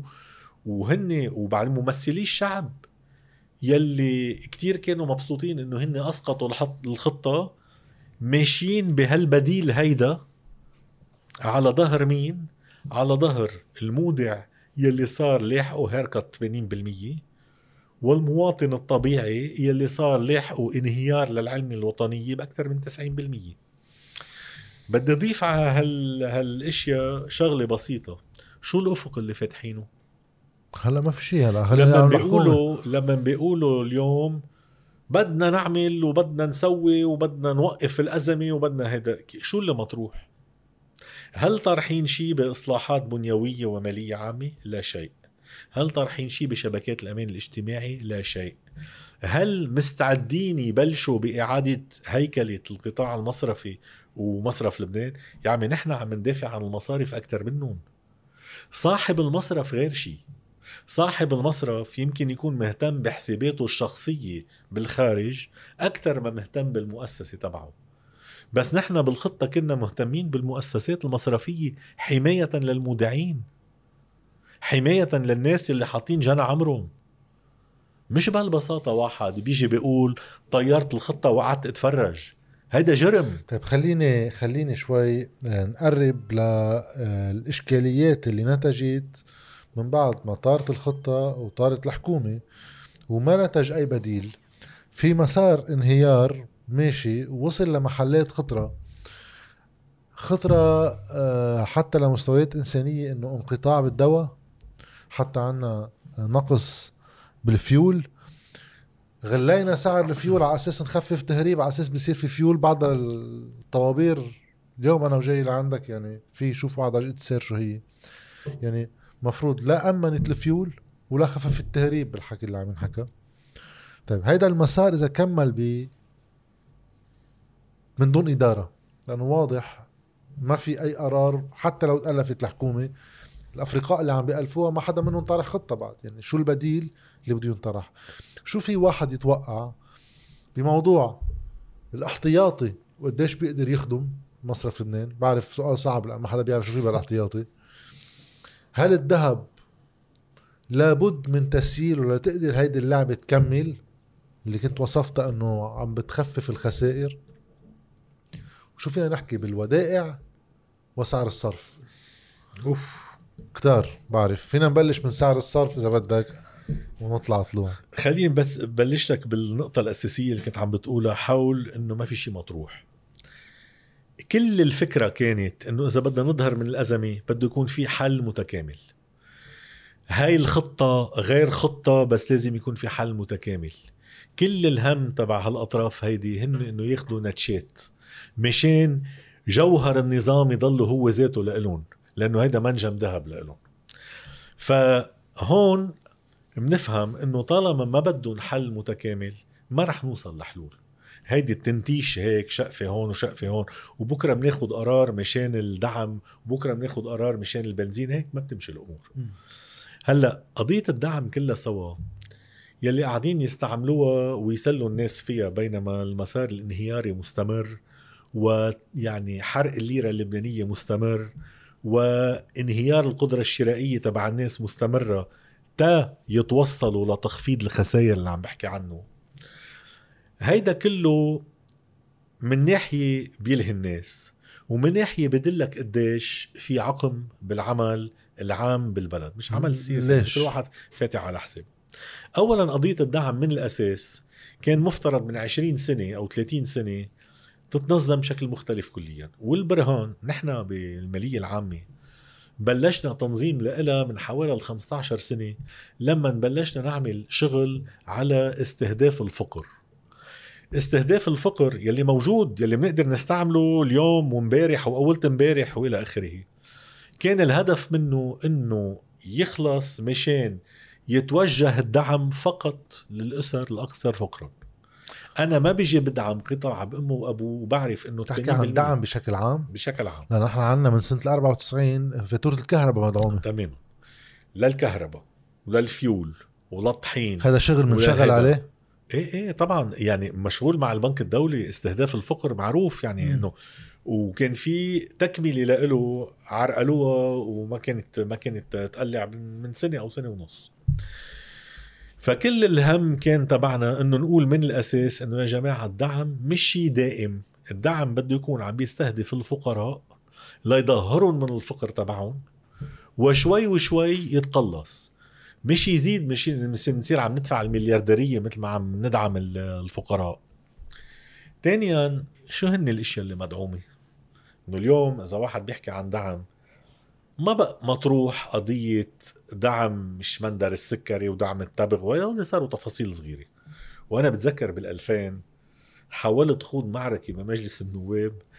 قلت لهم بدنا ال 90 مليار اللي بندفعهم لمزارعي التبغ. بدنا نعطيهم إياهم مباشر. ما يزرعوا طبخ نعطيهم اياه هون تيزرعوا غير شيء لأنه هيدا الغير شيء منه بحاجة لدعم وراح يدخلهم أكثر مما عم نعطيهم دعم. قامت القيامه وما قعدت. ليه؟ نحن اللي بنوزع الدعم. زبائنية. كيف بدك تعمل زبائنية لكان؟ كيف بدك تعمل زبائنية؟ هيك.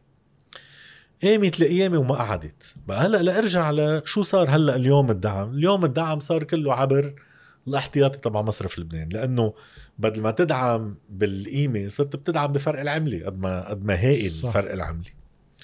فعندك البترول بنزين ومشتقاته. وعندك الدواء طحين تفصيل. إيه. وعلى كل حال يعني أنا بفتكر آخر شغلة واحد بفكر رفع الدعم عنا هي هاي. أصلا متى بالسنة كلها يمكن 300 مليون دولار؟ تمام. إذا مش أقل شوي. بتوصل للأدوية اللي هي شغلة أساسية. طيب الأدوية من سنين وأيام وعم نحكي بتصنيع أدوية محليا. ويننا؟ ما في شيء.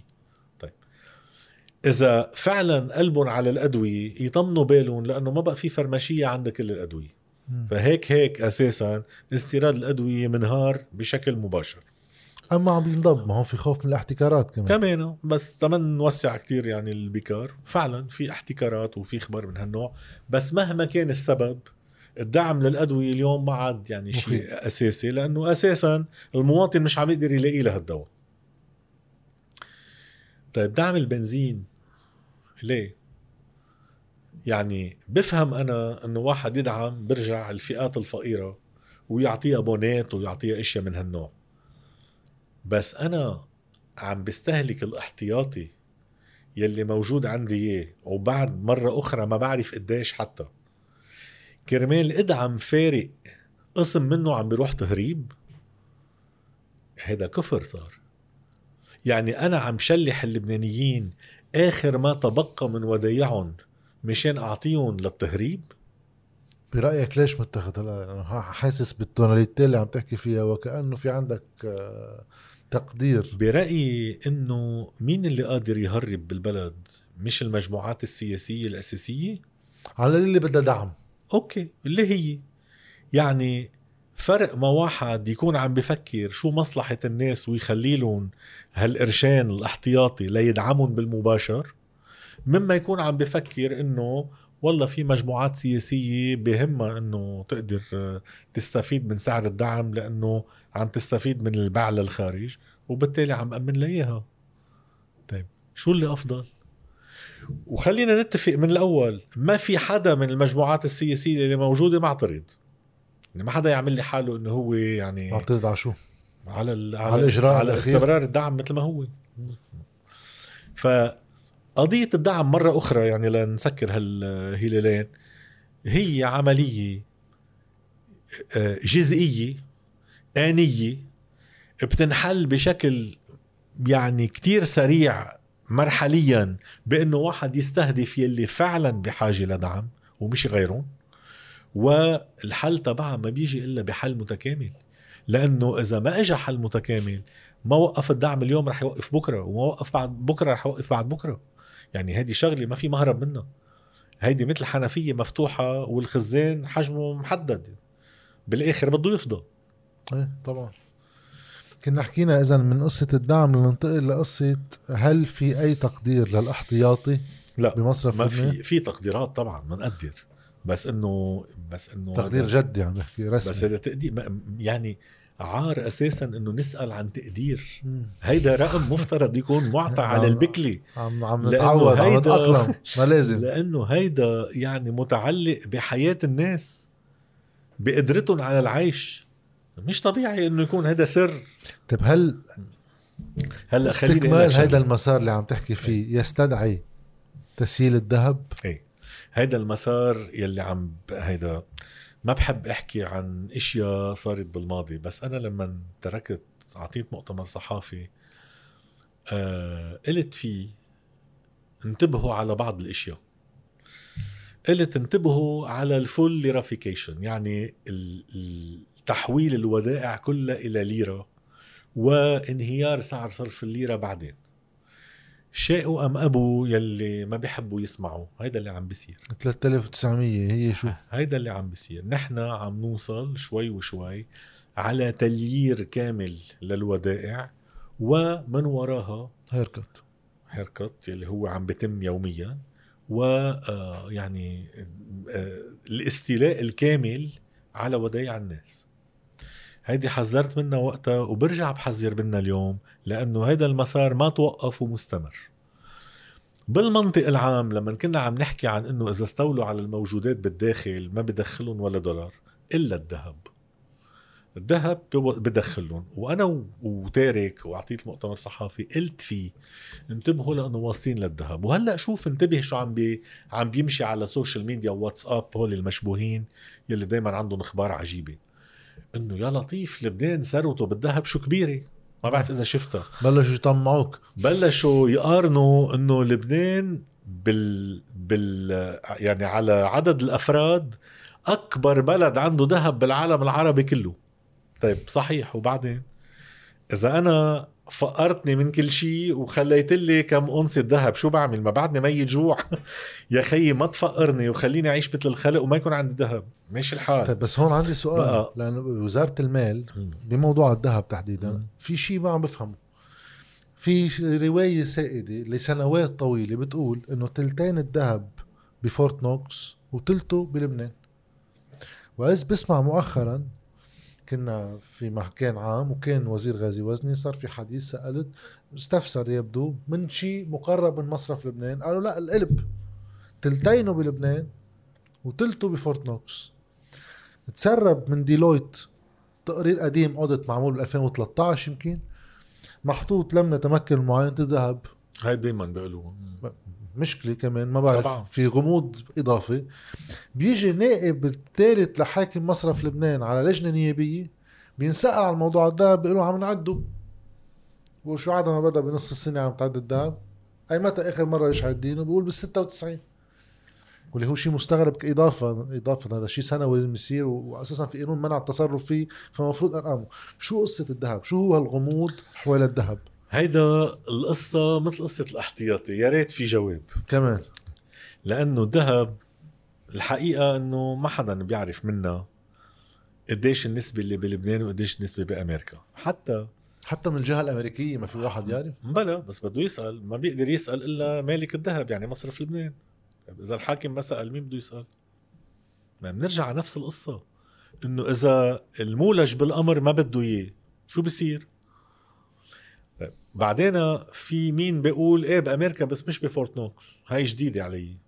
أنا كل شيء بسمعه كنت إنه بفورت نوكس. م. هلأ صار إنه بركي بأمريكا إيه بس مش بفورت نوكس. طيب. وبعدين ليش ما كان ينعد ما في داعي ينعد لشو بده ينعد كنا نسأل. ليش ما بينعد إنه مسكرين ومعمول انفنتير وإلى آخره. هلأ إمتى نعد آخر مرة وكيف نعد وإلى آخره ما بعرف. هيدي أساسا شغلة إدارية بمصرف المال م. يعني ناس بتتصور إنه إيه ما المجلس المركزي بيعرف. لا المجلس المركزي ما شغلته بهالقضايا المجلس المركزي شغلته فقط السياسة النقدية لا شيء آخر. ولا خصه بإنفاق مصرف لبنان ولا خصه بإيراد مصرف لبنان ولا خصه بموظفين مصرف لبنان. هو أنا عم بسألك هالأسئلة بس للناس لتعرف إيه؟ إنه مدير عام وزارة المالية بيكون حاضر باجتماعات المصرف المركزي إيه إيه بيكون المجلس حاضر. المركزي. إيه بس المجلس المركزي لا يبحث إلا بالسياسة النقدية ويلي بيوضع له جدول أعماله هو حاكم البنك المركزي. يعني بكل بساطة يلي ما انحط على جدول الأعمال من قبل الحاكم ما بينبحث. والقضايا الإجرائية لا دخل للمجلس المركزي فيها على الإطلاق. طيب هلأ معناتها إنه آه إيه في كويستشن مارك حول الذهب. أنا صراحة مني من يلي بيقولوا إنه في ناس فاتوا اخذوا ذهب ما بعرف ما بعرف بس هذا تقدير. بس الخوف مش هون. الخوف إذا شي محل ب يعني هالاوض المغلقة يلي كان ينعمل فيها ديلات تم وعود أو إعطاء ضمانات أو هيدا الله بيعرف شو فيه. لأنه يعني كل ما مر انهار عم ببين لنا عجيب. ما في واحد يستبعد يعني. مع العلم برجع بقول إنه حتى نواب الحاكم يلي قاعدين بالمؤسسة من بكرة لليل ما حدا منهم عنده جواب على هالشيء هلأ لنرجع على قضية ال يعني الليرافيكيشن أو تحويل الودائع لليره وبعدين الانقضاض واستعمال الذهب وغيره. أنا ما عندي مشكل مبدئي بقضية استعمال الذهب يوما ما. شرط اولا إنه اللي يكون عم بيستعمله وهو فوق أي شبهة. وعم بحكي عن نظام كامل مش بس اشخاص يكون معه خطة يكون هادف استعمال تماما. وثانيا يكون إنه هيدا مساهم بمخرج كامل يعني لإعادة انطلاق البلد. أما اليوم بالظرف القائم فمفترض على قطع راسنا ما نقبل إنه يندق بالذهب. بيروحوا مثل ما راح الباقي. راح كل شيء وراح يروح هيدا مثل ما راح الباقي.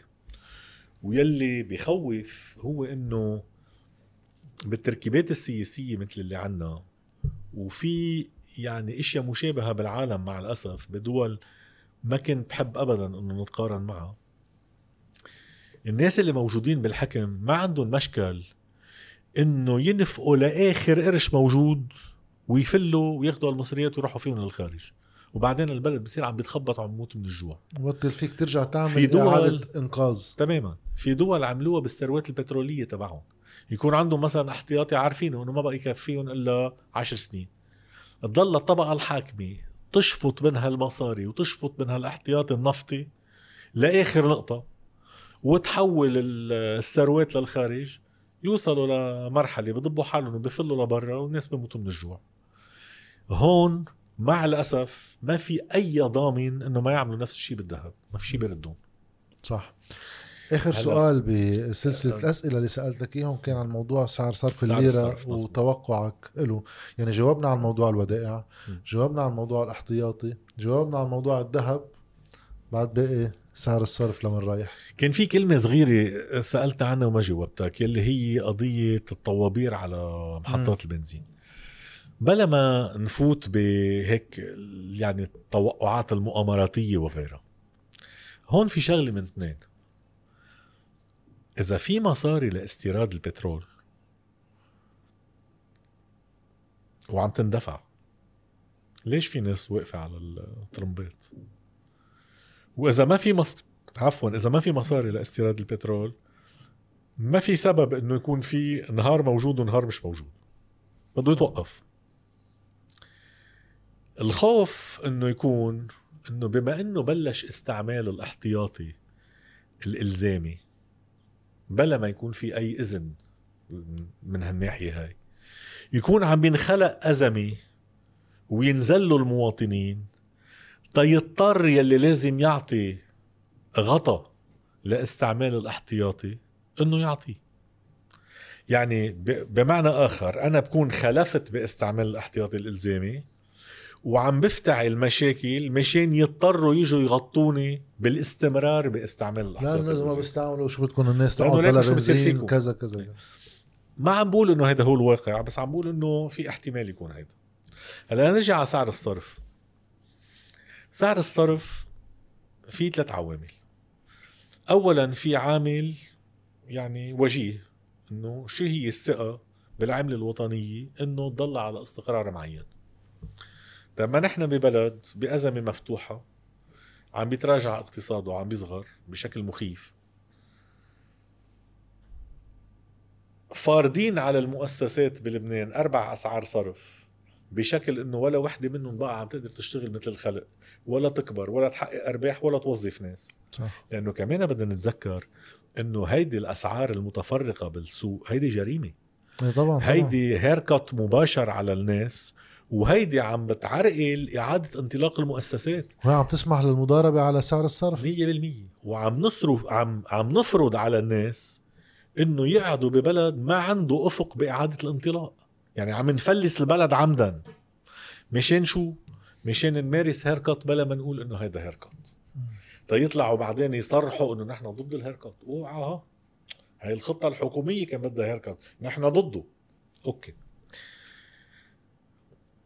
ففي عامل يعني منطق إنه أنا بالآخر هيدا وضع البلد ما بيسمح إنه يكون عندي ثقة بإعادة الانطلاق. تتصير مستقرة. وتتصير مستقرة ما رح تصير مستقرة إلا ببرنامج متكامل مثل ما قلنا جاي معه دعم يكفي لإعادة انطلاق الاقتصاد. بس دائما في. هذا السؤال إنه شو سقفه دائما بيجي السؤال. هلا بنوصل هلا بنوصل. ثانيا في الإمعان بإنهيار الليرة اللبنانية. لما أنا بنك مركزي عم بيطبع ليرات بالهبل كل الوقت. شو بكون عم بعمل؟ عم بتعمل الفقيرة بالآخر. تشتري. فيهم دولار. بس معناتها إنه عم بخلي الليرة تنهار. أي شيء أي سلعة بتزيد الكمية تبعها بينزل سعرها. طيب زيادة كمية الليرات اللبنانية اللي صارت بآخر سنة مخيف. طيب فطبعا السياسة المعتمدة هي سياسة انهيار سعر الليرة. بس هون المصرف المركزي في يجاوب في؟ يقول إنه بوجود سلطة سياسية ما أخذت ولا أي قرار لولا طبع هالليرات كانوا الناس بيعوا من الجوع. وأنا طبعا ما عم بستثني السلطة السياسية اطلاقا. أنا عم بقول إنه في إمعان بانهيار الليرة اللبنانية يلي عم بيصير عبر طباعة الليرة بشكل مستمر. هل قادر مصرف لبنان يعمل غير هيك بظل هيك سلطة سياسية؟ أنا ما خصني بالسؤال. أنا خصني بإنه السلطة السياسية والمصرف المركزي سوا ما عم بيحطوا مسار خروج من من الأزمة مع خطة متكاملة. طالما هن رافضين يقروا بالخسائر يوزعوها كما يجب ويبلشوا بالمسار الإصلاحي مع إعادة هيكلة للبنك المركزي وللمصارف ما رح نظهر من ال- من الأزمة. وطالما ما رح نظهر من الأزمة رح يضطروا يستمروا بطبع الليرة ورح يضلوا انهيار الليرة ماشي.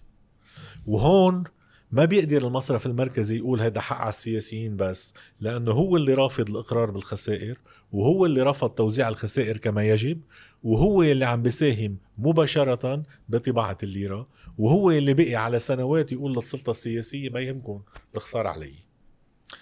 أنا مش عم بقول هو المسؤول قبل غيره أنا عم بقول في شيء اسمه دولة بلبنان ما عم تاخذ ما عم تحسب أمرها مشان توقف الانهيار من ضمنه انهيار العملة الوطنية يعني إذا واحد بده يعمل بروجكشن من دون ما يفوت بأي تهويل بيقول إنه الأمر رايح على أسوأ. أكيد إنه الأمر إذا ضلينا هيك بهالسياسة لا نفعل شيء وبنتفرج الهدف من هالسياسة هي انهيار الليرة. ما رح واحد ما حدا منهم رح يجي يقر فيها.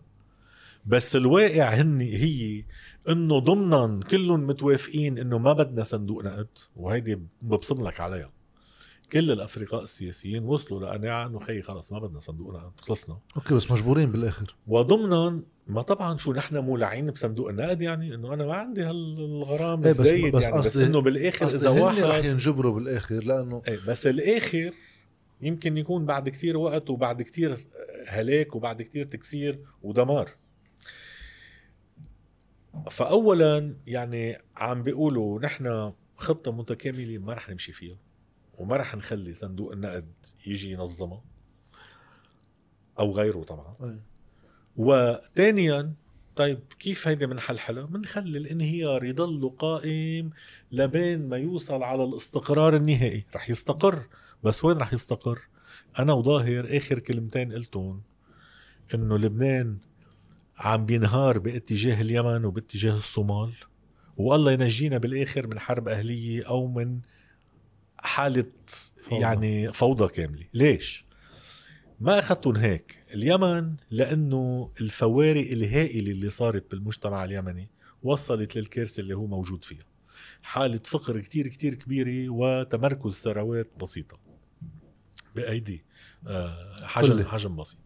الصومال لأنه انهارت الدولة. لأنه ما عاد في دولة. هلأ ظهرت منا الصومال بس بوقتها يعني. انهارت الدولة كليا. طيب ليش عم بعطي هال references هول؟ اولا شاءت الصدف إنه من أسبوعين صار ال GDP اللبناني تحت ال GDP اليمني. يعني ما ما بعدنا كتير مع. الأسف. بس هولي لأنه كان في قرار واضح بإنه ما بنعمل شيء. ما بنعمل شيء يعني طار دور الدولة.